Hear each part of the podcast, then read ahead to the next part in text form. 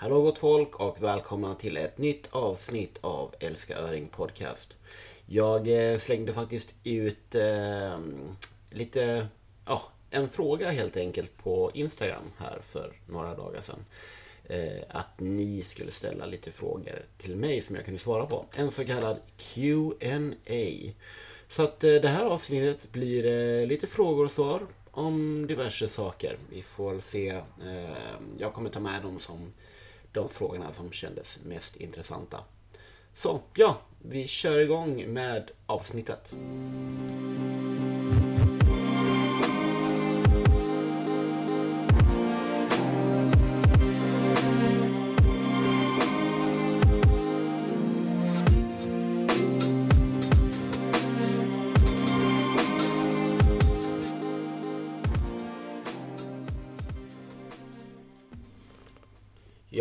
Ut de här förfrågan både på eh, min Troutcast-sida och även på um, Northern Trout Shop sida. Eh, vi fick en del eh, frågor om diverse eh, på båda sidorna, så det är roligt. Eh, vi kan börja här med eh, eh en fråga från Flies by Emmet. Vilken fluga tycker ni är mest överskattad samt mest underskattad? Ja, en överskattad fluga och en underskattad fluga? Det där är en riktigt svår fråga. För att eh, jag tycker egentligen att det finns sjukt många överskattade flugor. Eh, som faktiskt egentligen är superbra. Det är som eh, många man guidar så här, de, de älskar ju sina Europa 12 eh, Bland annat. Eller sina Royal Coachman. Klassiska mönster. Och visst, de funkar. Det, så är det. Men eh, ja, vad ska man säga? Det, det, jag, tror, jag tycker nog inte det finns någon överskattad fluga egentligen. Men sjukt många underskattade flugor. Eh, jag skulle säga så här. Att en liten dagsländig imitation eh, i storlek 16, eh, gärna en crippled. Det är den mest eh, underskattade flugan. Om vi nu pratar torrflugor. Men annars så skulle jag nog bara säga att eh, ja, skulle man bara fiska med en fluga hela året då hade jag nog kört en svart volleybagger eller en svart sonke till exempel. Det är så olika om man pratar torrflugor, eh, nymfer, eh, våtflugor, streamers. Eh, ja, det, det, är så svårt att svara på en sån fråga egentligen. Så att egentligen så skulle jag säga att det finns egentligen inte så många överskattade flugor.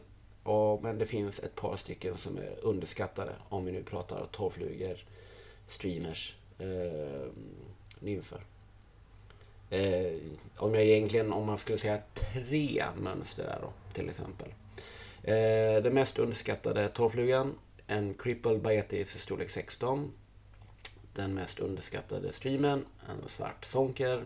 Fast jag vet att det är många som gillar en sån, men, men jag tror att det är många som egentligen kanske inte fiskar dem på samma sätt som, som jag gör. Då. Och den mest underskattade nymfen, eh, en vanlig pheasant tail nymf. Fast jag vet att det är många som fiskar den också egentligen. Faktiskt. Här har vi en fråga från eh, Rudy. Flugbindning. Billigare än att köpa flugor eller bara roligt? Jag skulle säga flugbindning för mig är två olika saker. Eh, en terapidel och ett intresse i intresset. Flugbindning, om man går in för det. Eh, och det är nog mycket det här att man måste förstå och eh, tycka det är just roligt. För att jag vet tusan om det är billigare. Flugbindning har blivit väldigt dyrt. Speciellt nu sen inflationen kom. Det var därför jag la ner all flugbindning i min butik. För att det är liksom inte hållbart liksom Eh, en påse iStubbing 60 kronor. Vem tusan vill köpa det liksom? Så att på ett sätt det är det billigare att köpa flugor nu. Eh, faktiskt. För att ska du binda ja, ett specifikt mönster med eh, fyra, fem olika sorters material. Ja, då, du kan ju hamna upp mot 3000 spänn bara för en fluga. För till exempel, ska du ha en schysst whiting-nacke. Det är nästan 2000 kronor. Ett paket krok, en hundring. Ehm, ja, som sagt, en påse dubbing 60 kronor. Och det är liksom en billig dubbing kan man säga. Så att jag tycker egentligen att, att flugbindning det är en fantastiskt bra vintersyssla. Ett intresse i intresset och du får mycket bättre kvalitet om du binder dina flugor själv än att köpa dem från de här större, större som, som säljer flugor. Såna här billiga flugor producerade i Asien eller i Afrika eller något annat land. Där, där de inte har liksom samma kanske känsla för uppbyggnaden. Ehm, så att ja, handbundna flugor tycker jag är som sagt både roligt och en terapidel och jäkligt mycket vettigare eh, faktiskt. Ska jag passa på att dricka lite kaffe här också. För det behöver man lite energi i livet när det är så. När hösten börjar komma. Eh, vi kan se här mer då. Här har vi från Hugo Hägglund. Favoritmaterial att binda torrflugor samt streamers med. Torrflugor, eh, där är superenkelt. CDC. Alltså det, jag har CDC i typ 99% av mina torrflugor. Världens bästa material. Det är ett, eh, ja för er som inte vet, CDC är ju ett eh, fjädermaterial som, som flyter väldigt bra, torkar snabbt. Eh, jag använder också, jag gillar ju typ cocktailion som stjärtmaterial. Sen binder jag väldigt mycket flugor med, om jag väl binder dem hacklade så binder jag dem med oftast något grizzly sadelhackel i, i mindre storlekar. Det tycker jag är också fantastiskt bra faktiskt till många flugor. Just av spräckligheten eller då i den här grizzly, grizzly färgen då, tycker jag är riktigt sexigt. Och det blir liksom lite nyans på flugan oavsett om det är klart väder eller om det är mörkt väder. Så ger det lite av, av båda. Vilket tycker jag är väldigt smart. Eh, streamers Superenkelt. Kaninsonker. Det, alltså, jag älskar sonkermaterial. Det är fantastiskt eh, bra. Jag tycker det funkar till typ alla streamers. Oavsett om du binder ledare, enkelkrok, tuber. Eh, det funkar liksom till, till allt. Liksom. Vi har ju tagit hem eh, vår egen Sonkerstrip eh, nu, NTS Super Sonkerstrips. Eh, sjukt bra kvalitet eh, och väldigt mycket volym i dem. Eh, jättefina. Har de hemma i ett gäng olika färger. Bland annat svart och natur som jag binder väldigt mycket med. Men annars streamers, Marabou också. Eh, Marabou och Sonker Strips. Det, det skulle jag säga är det man ska lägga pengar på. För att det, det, det är stor skillnad på Marabou och Marabou och det är stor skillnad på kanin och kanin. Eh, det, eh, det vet säkert många av er som binder flugor. Så att det, det skulle jag säga är, är primärt det som jag tycker är ett måste i många streamerflugor. Sen kan man bygga upp huvud med eh, dubbing, och andra syntetmaterial till höger och vänster. Men eh, skulle jag bara till exempel välja två olika material att ha i mina flugor, då är det någon typ av Marabou och Kaninsonkers. Det är liksom om man tittar på de streamers jag binder och säljer så är det nästan i stort sett bara, bara mm, de materialen i, i många av, av mina flugor. Eh, här, mer frågor. Var i Europa kan man fiska öring när det är vinter? Helst utan att frysa. Ja, alltså Europa är ju, är ju ett sånt land där eh, vi faktiskt får kallare väder. Eh, jag skulle nog säga att, att om man vill åka någonstans i Europa för att fiska öring utan att frysa. Då hade jag nog kollat på Spanien eh, bland annat. Där eh, är rätt så bra temperatur året om. Eh, så där, där kan man åka ner redan i, i ja, januari, februari och ha lite torrflugefiske. Jag vet inte om, jo januari också tror jag, men annars i februari. Så jag, jag skulle nog kolla på, på Spanien. Det är det som jag eh, tänker på och vet om. För till exempel Slovenien där vi brukar fiska på vintern så är det kallt här eh, i och med att det ligger i, i bergen. Så att eh, där blir det ju vinter och folk fiskar hucho hucho, timen då. Men om man vill ha lite mysfiske efter öring då skulle jag nog kika på, mm, på Spanien då. Här har vi en till fråga. Klassning av spö och liner. Hur det funkar och hur AFTM-systemet inte riktigt stämmer längre. Nej, det är helt korrekt. Det här AFTM-systemet kan dra åt beep. Ja, det, det är liksom helt orimligt. För att det innebär att man AFTM-systemet var från början att man utgick från de ungefär nio första metrarna, 9,14 tror jag. Och den vikten, Eh, det var det som utgjorde klassningen då på eh, linorna. Som skulle passa ihop med spöna som var klassade då med aktion och styvhet och så vidare. Hur mycket de böjer sig på en viss eh, vikt då. Eh, så att det, det, det, kan man liksom ta bort direkt. Utan det man ska göra är egentligen så här. Det är att tänka, eh, vad, hur ska mitt spö och lina passa ihop? Vad ska jag ha det till? För att om vi, säger, om vi utgår från en klass 5 då till exempel. Så kan du kasta linor från klass 3 upp till klass 8. Beroende på vad du vill att linan ska göra. Ska du hålla väldigt mycket lina i luften, då behöver du mer vikt. Så att då kan du faktiskt fiska en klass 3, en klass 3-lina på ett klass 5-spö. Ska du bara gå i en å och kasta en liten bäck 4-5 meter, då kan du istället använda en, en klass 8-lina utan problem. För att då har du så mycket mindre vikt utanför toppöglan. Och då kan du ladda upp spöet snabbare. Så det är liksom lite det som man får utgå från om man ska välja spö, lina och eh, ja, spö och lina tillsammans. Och även då det här, hur lång tafs ska du fiska med? Ska du fiska med en tafs som är 3 meter eller en tafs som är 9 meter? Så att du behöver ju en lina som kan trycka ut den mängden tafs som du fiskar med, eller ska fiska med. Men jag brukar säga så här, utgå från samma klassning. Gör det. Om du, om du kan kasta relativt normalt, eh, utgå från att du har samma klass på linan som på spöet. Så använder du en klass, ett klass 5 spö, köp en klass 5 lina. Sen kan du istället då kolla på till exempel taperingarna. Hur lång är klumpen? Eh, är den 8 meter? 10 meter, 12 meter, 14 meter. Det har ju också då med vad du ska ha linan till. En presentationslina, den skulle jag säga är minst 12 meter.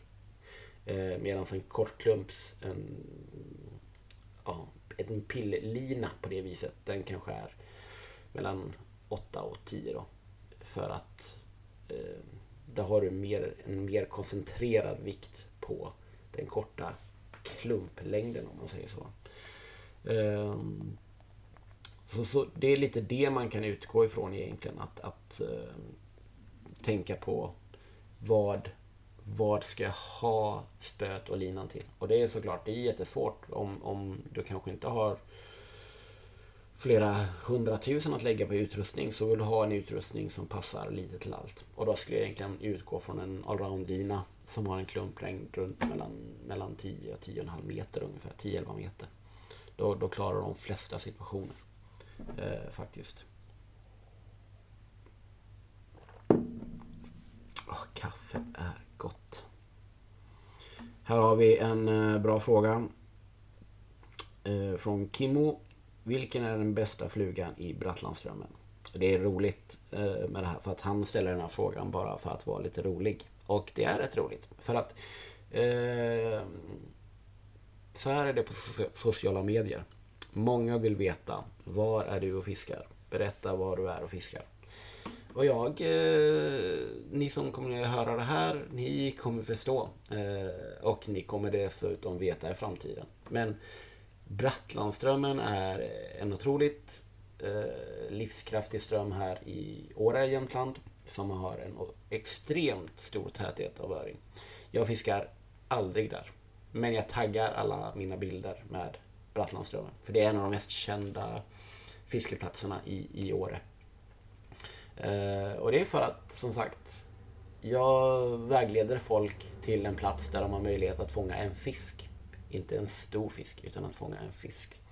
Eh, jag skulle aldrig liksom namedroppa mina eh, bra platser för att tyvärr funkar sociala medier så. Säger man så här, ah, skitbra eh, i, eh, på den här eh, strömmen på den nacken. Ah, då, då står det 10 pers där sen. Och inte för att jag har någonting emot att, att folk fiskar och fångar fisk. Det är bara att om jag vill åka ut och fiska och eh, var, ha min lugna stund vid vattnet. Då vill jag ju inte se tio andra där. Jag vill inte ens se en enda där. Så att jag berättar ju knappt om mina platser till mina närmsta vänner. Eh, faktiskt. Vi är en liten skara som, som fiskar ihop och eh, snackar om både det ena och det andra. Så att eh, vi, eh, vi delar med oss till varandra för att vi vet att vi aldrig kommer störa varandra på det viset. Då. Så den bästa flugan för Brattlandströmmen. Eh, ja, just den bästa flugan för Brattlandströmmen. Sätt på ett haröra. Det är bara att kasta ut. Eller en Europa 12. Här har vi från herr Ulf Jonsson. Jag tror det är Ulf Jönsson faktiskt kanske. Hej Jon. Beskriv vad som gör en vandringsöring. Födosök och lek. En vandringsöring. Ja, det är ju en öring som vandrar någonstans eh, för att leka. Och nästan alla öringar faktiskt gör det här. Eh, vandrar till en lekplats. För att lekplatserna är inte de platserna som de uppehåller sig större delen av året på. Men jag vet att han syftar lite kanske på större vandringsöring. Och det är de här öringarna som lever i en sjö oftast hela livet. Växer sig stora där på eh, betesfisk. Oavsett om det är kanske sik eller löja eller eh, eh, mindre öring, röding, harr, sik. Um, det sa jag kanske. Men, um, och de vandrar upp i system när det närmar sig lek. Då. De kan börja vandringen redan i juni. Uh, redan i maj till och med. Men oftast i juni, juli börjar många av vandringen. Och sen närmare augusti ännu fler fiskar. September kan det också vara. Då, beroende på var i landet man, man, eh, man befinner sig. Då. Ehm, och det är ju för att de ska upp till sina lekplatser då. Så att det är eh, just födosök. Det är klart att de fortfarande kan äta. Eh, jag vet inte om, om det är det de syftar på. Om de fortfarande äter just det med födosök. Men vandringsöring har, det har ju bara med leken att göra. De ska upp på sina lekplatser. Och det är då man har möjlighet att fånga de här stora fiskarna som normalt sett lever på djupt vatten i en sjö. Eh, så att det skulle jag säga att vill man hitta stor vandringsöring eh, då ska man eh, fiska strömmande vatten i augusti-september beroende på hur reglerna är. Kanske till och med juli. Juli, augusti-september. I strömmande vatten. Det kan vara små strömmande vatten. Det kan vara större strömmande vatten. Men som mynnar ut eller kommer från en stor sjö. För det finns både uppströmslekande fiskar och nedströmslekande fiskar. Det är lite olika eh, beroende på vad det är för, för typ av stam och så vidare. Men eh, det är då man har möjlighet att fånga de här stora öringarna. Så att vill man leta efter vandringsöring och fiska efter så försök hitta strömmande vatten som, som mynnar ut i större sjöar där man vet att det finns storöring. Då. Uh, och det kan man ju oftast liksom hitta om det är ja, men stora system. Speciellt i Jämtland, Lappland, ja, både södra och norra Lappland. Där finns det otroligt många system. Jag skulle säga att det, vi har säkert över 300-400 sådana här vatten uh, i Sverige som håller alltså vandringsöring över 4-5 kilo utan problem. För att, för att eh, det finns så sjukt många små vatten som mynnar ut i stora sjöar. Och alla öringar leker ju inte i samma vattendrag. Utan de, de är ju födda i olika vattendrag på grund av där de har ja, där de har ehm, kläckt och vuxit upp kan man säga. Så att det går att hitta sina egna, egna privata nästan vatten Eh, om man vill fiska själv efter stor vandringsöring. Och det är ju som sagt jättebra för att ju mindre störd en fisk är desto lättare är det kanske att fånga den. Det finns ju många bra eh, större vatten som uppe i Kärrsele och Ammarnäs som är rätt så kända men, men det fångas ju stor fin fisk där också. Så att, eh, ja, det om vandringsöring. Och här har vi en fråga från Micke Stenström. Hur ska man tänka i öringjakten vid ett nytt vatten och hur tänker man när man kartrekar nya vatten? Lite som vi pratade om nyss. Till exempel är man ute efter, efter stor vandringsöring så, så måste man hitta stora system som blir mindre system. För då är det lättare att hitta de fiskarna. Men om man rent generellt ska, ska kartreka nya vatten eller, eller hur man ska tänka. Eh, tänk som en fisk. Det, det, är nästan det smartaste. Eh, för det första måste man kanske veta att det finns öring i ett vatten. Eh, innan man liksom börjar tänka på, på jakten efter, efter fisk. Men det finns ju många saker som avslöjar fisk då. Fisk som hoppar, fisk som vakar eller att det är klart vatten så man kan se fisk till exempel. Ehm, och, och eh, Annars är det sådär att, att öring är ju en predator. Så att har man ett vatten Eh, där man vet att det, det, finns öring i olika storlekar.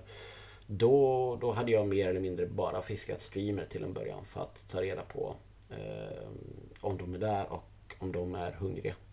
För att öringen är eh, som sagt det är en predator och den, den äter gärna mindre bytesfisk av olika slag. Eh, så så hade jag nog gjort liksom just i utgångspunkt. Men om jag vet till exempel, ja men här, det här, nu är man här i det här vattnet i juli. Ja men mest troligt så kläcker det väldigt mycket insekter och då borde man kunna se fisk som vakar till exempel. Ehm, och där är en sån grej, försiktighet. Kolla vad det är som kläcker. Gå ner på lite tunnare tafsar. Försök imitera det, det fisken äter. Kan man säga.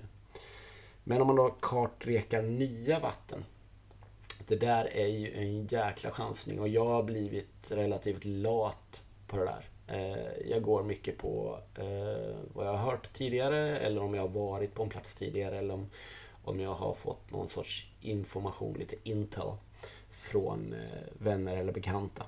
För att alla har vi begränsat med tid som sagt. Så att det, det, det är ju sådär att, att ska man åka på något fiske och vill fånga lite fin fisk så då vill man kanske veta lite om det. Eh, men man har gjort misstag förut. Man har åkt och provat vatten utan minsta lilla pet. Ehm, så att eh, sånt här är klurigt. Jag gjorde mycket sådana grejer när jag var yngre. Men ehm, ja, jag har blivit lite lat med, senaste, med de senaste åren. Så att eh, nu är det mycket att, att den veckan man har som jag brukar lägga på till exempel fiske efter vandringsöring då, då går jag lite på, på vatten jag har varit vid tidigare eller um, info som jag har fått från vänner och bekanta. Men annars så skulle jag nog liksom först liksom börja med att eh, om man kartrekar ett vatten Sök på själva vattnets namn och fiske. Då brukar man få upp information i alla fall om det ens är lagligt att fiska där. Att det finns ett, finns ett fiskevårdsområde. Ehm, och då brukar det ofta stå om det finns öring eller någon annan art i det då, till exempel. Eh, annars så kan man också eh, kontakta Länsstyrelsen. Det är eh, rätt så smart. Och sen är det ju sådär, tycker man om att chansa lite och ha lite tid att lägga då är det ju bara att, att chansa för att man kan bli extremt positivt överraskad. Det, det, har man ju blivit, att man har hittat vatten som man bara wow, det här trodde vi inte eller det här visste jag inte. Utan ja, det är jäkligt häftigt. Men sen är det sådär, det, fisken ska vara på plats och den ska vara hungrig. Så att det där, det där är klurigt. Men skulle jag till exempel då fiska ett nytt vatten då, då um, ser jag ingen aktivitet, inga vak, då, då, då åker det på en streamer. Uh, här då. Eh, varför står alltid fisken på andra sidan? De har ett sjätte sinne helt enkelt. För att, eh, ja, Det är som att de, de, eh, de vet att ja, här kommer han se oss men inte nå oss. Så ja, det var ju ingen vettig fråga kanske egentligen. Men så är det. Det känns ungefär som att, att eh, man skulle alltid behöva kasta två extra meter. Det har man ju varit med om. Speciellt vid torrflugefiske. Oh, det är två meter som fattas. Och sen när man väl får de där två extra metrarna, ja då har de flyttat två extra meter ännu längre ut. Intressant va? Eh, vilka knutar i ditt fiske använder du mest? Ge oss fem stycken. Jag använder absolut inte fem stycken knutar. Jag använder kanske två. Eh, först, om man bara ska utgå från en enkel knut, så använder jag en enkel greener och det är för att fästa backingen i fluglinan. Men det gör jag kanske tre gånger per år. Annars är det tafsknutar. Då tror jag att de heter kirurgknut eller blodknut. Jag är jättedålig på namn. Eh, men det är just när man knyter på tafsar, alltså förlänga sin tafsdel. Och sen använder jag en, jag tror det är en rappalaknut. när jag vill ha liksom en loopad knut. Då.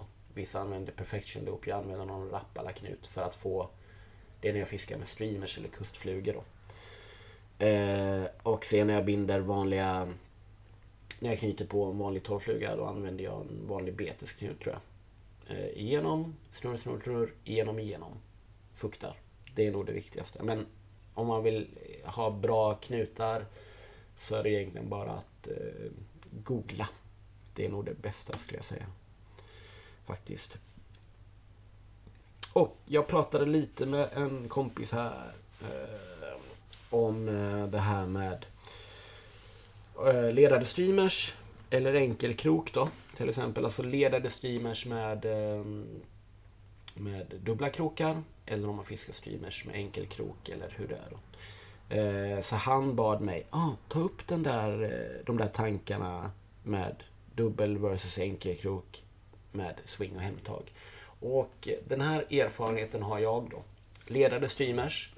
Ehm, de binder du och fiskar du för att du vill imitera en bytesfisk. Och ledade streamers, de fiskar du nästan alltid med hemtag. I alla fall jag. Och jag tycker det är det man ska göra. Liksom. Man ska, för att man vill ha den här eh, ja, vad ska man säga, simmande grejen. Att, att känslan att, att de eh, eh, är en skadad betesfisk eller en större betesfisk. Och att fisken ska jaga, jaga ikapp dem och sen klippa dem. Och oftast är det så här, när jag fiskar ledade streamers så tar oftast fisken i den främre kroken av de två krokarna. När det gäller ledade streamers då de har dubbla krokar.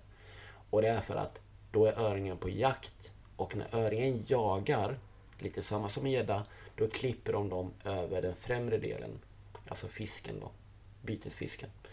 Öringen klipper dem över den främre delen för att de vill, they strike to kill, om man säger så. De eh, eh, vill klippa det här bytesdjuret och eh, döda den liksom. Sen när man fiskar ledade streamers så är det ju på hemtag då. Ehm, jag har ibland swingat ledade streamers. Och nästan alltid eh, om jag lyckas väl få upp någon så sitter, eh, sitter fisken i den bakre, bakre kroken. För att när en fluga swingar då tar inte öringen dem lika aggressivt. Det här är en fluga som bara sakta rör sig i ett moment. Den simmar inte. Den bara rör sig i ett moment. Och då kan det mer istället vara att öringen då till exempel ehm, den behöver inte jaga ikapp där. Utan den går upp, klipper den lite försiktigt i stjärten. Ehm, och det är då man kan få dem. Eh, men om jag fiskar ledade streamers då. Då har du den här ehm, Ja, den är ledad, alltså två delar då. Och då lossnar oftast alltid fisken. För att det blir en annan eh, ja vad ska man säga, ett annat moment då. En, en hävstångseffekt kan man säga. Så att när jag swingar flugor. Jag ska köra swingfiske då, till exempel med tvåhands eller ja, enhands eller så vidare. så fiskar jag bara enkelkrok eller eh, ja, enkelkroksflugor. Eller till exempel ja, om jag fiskar tuber så fiskar jag trekrok eller Nej, det, jag fiskar faktiskt aldrig trekrok. Dubbelkrok eller enkelkrok, det fiskar jag alltid. För det tycker jag sitter mycket bättre. Um, så det är lite att tänka på då till exempel att swinga inte dina ledade streamers. För att även om du får hugg så kommer du oftast tappa dem för att de tar i den bakre kroken. Ska du swinga flugor, kör swingflugor. Eh, typ stingerkrok, enkelkrokar och så vidare. Men ska du fiska aktivt eh, så fiska ledare streamers och då kommer du märka att oftast sitter fisken i den främre då sitter oftast öringen i den främre kroken kan man säga. Eh, här då ska vi se. Bästa teknik, val av lina, fluga, årstid och väder för stor öring på västkusten. Ja, jag skulle nog säga eh, våren Eh, då har man ju chans på både stor utläckt fisk men även stora blanka fiskar. Mina största blanka fiskar har jag fått på våren. Eh, och där skulle jag hitta grunda områden som har i närhet till djupkanter. Och sen eh, en vanlig Hoover Slow Intermediate lina. Eh, jag tycker på västkusten räkflugor 99% Eh, och väder eh, 4-5 sekundmeter pålandsvind. Eh, gärna lite grå, gråmulet, halvklart väder. Det skulle jag säga.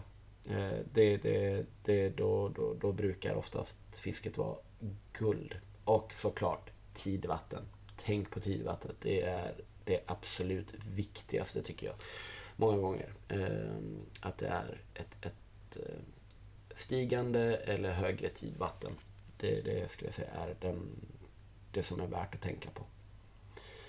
Och eh, ja, tekniken. Ta in din räkfluga med, eh, eller din, ditt, din fluga med variation. Typ som en vals. En, två, paus, tre. En, två, tre, paus, en. I alla fall så att det blir någonting som inte ser monotont och, och eh, tråkigt ut kan man säga. Här ska vi se. Undrar om det här kan vara den sista. Nej, vi har några fler frågor här. Eh, för och nackdelar med nattfiske versus dagfiske. Vad föredrar ni och varför? Jag hatar nattfiske. Det är det värsta jag vet. Eh, av flera olika anledningar. Eh, för att dina sinnen blir begränsade vid nattfiske. Eh, du ser egentligen inte vad du gör. Du har egentligen ingen större koll på vad du gör. Det är inte så att jag hatar det, men jag föredrar inte det. Utan jag föredrar att fiska på dagen. För då kan du fiska så mycket mer effektivt. Du vet precis hur du lägger kasterna, precis hur du mändar. Eh, precis var din fluga fiskar någonstans. För att, eh, ja, om vi nu tar det här som streamerfiske naturligt då. Visst, nattfiske med torrflugor, fiska nattsländepuppor och så vidare. Kan vara skitkul eh, om det är ljusare nätter i, i juni, juli. Eh, men om man då kör till exempel streamerfiske efter, efter storfisk så tycker jag att, att eh, just dagfisket, kvälls eller morgon, helst morgonfiske tycker jag är fantastiskt bra. Eh, fisken är aktiv dygnet runt. Det här med att ja, man fångar bara stor fisk på nätterna. Det är det största tramset i eh, världshistorien skulle jag säga. Eh, för att fisken är aktiv dygnet runt, den äter dygnet runt. Det är klart att de kan vara mindre skygga under vissa perioder för att eh, ja, så är det. Men de har också skydd av strömmande vatten, alltså starkare strömmar. De har skydd av djupare pooler och så vidare och så vidare det är att man får söka dem på olika platser. Jag skulle nästan kunna säga så här att vid nattfiske måste du vara extra försiktig. För då går fisken upp på grundare vatten. Ehm, så då är det liksom att du kanske bara måste lägga de här kortare kasten, fiska nära land och så vidare. Och sen är det här, krokar du väl en stor fisk? Det, det är eh, lite, lite klurigare. För att måste du till exempel springa efter en stor fisk då. Ja, det, det, Det är mycket som kan hända. Du kan ramla och slå dig riktigt fördärvad eller bryta dina spön och så vidare. Eh, och då är det inte så jäkla kul. Så att, eh, ja, det beror på. Jag skulle nog säga så här då. Nattfiske är nog mer att föredra om du ska fiska väldigt publika vatten efter stor fisk. Till exempel, eh, säg Arjeplogsströmmarna till exempel. Det är ju ett otroligt påbankat ställe i augusti. Så att eh, där skulle jag nog säga att du har större chans att få en stor fisk på natten. Medans i andra vatten eh, som inte är lika påbankade så kanske du har faktiskt en större chans att fiska eller få fin fisk eh, dagtid. Faktiskt. Så att eh, det är lite sådär att, att, eh, att prova dig fram också. Grejen är så här också att, att jag skulle nog också säga att ska du väl fiska ett vatten för första gången. Eh, är du ensam så dela upp eh, dygnet i fyra, fyra delar som du fiskar. En morgondel där du fiskar kanske från fem, eller säg fyra till åtta. Sen tar du paus, sen fiskar du från eh, eh, 12 till 4 mitt på dagen. Sen tar du en paus, sen fiskar du eh, till exempel ja, 6 till 10. Sen tar du en paus, sen fiskar du 12 till 4. Eh, så att då, då, då, då kan du liksom få de här nöta av och se mm, när faktiskt du får fisk eller har mer kontakter och så vidare. Och här är nog den sista frågan skulle jag tro. Ditt bästa tips från när havsöringen bara nafsar på flugan och inte tar ordentligt. Det här brukar oftast ske på hösten tycker jag. Ehm, och eh, jag vet inte varför de beter sig så här. Men oftast så, så är de lite mer försiktiga och petiga. Och där är mitt bästa tips. Fiska långsamt. Väldigt långsamt. Ehm, du kan nästan fiska relativt monotont också. Du kan köra en riktigt långsam roll i poly till exempel. Ehm, och sen skulle jag säga fiska mindre flugor. Ehm, inte ja, mindre flugor, mäler, räkor till exempel. Och fiska långsamt. Då tycker jag faktiskt att man, man ökar chanserna till att, att kroka fisk eh, när de är sådär petiga och bara nafsar som man kan uppleva. Så att eh, det skulle jag säga. Annars om man bara ska fiska tobis och fiskimitationer, fiska så snabbt du bara kan. Alltså riktigt jäkla snabbt. Och använd en stingerkrok till exempel. Men annars skulle jag säga att det är nog mitt bästa tips. Fiska mindre flugor eh, och fiska långsamt. Fisken ser bra. Eh, de tar om de vill ta och fiskar du långsamt så är det ofta så att de tar flugan när de väl kommer simmande, tar den och sen kan du lyckas kroka dem. Ja, jag skulle säga att det var alla frågor vi fick i stort sett. Jag har lämnat ut några sådana här tramsfrågor.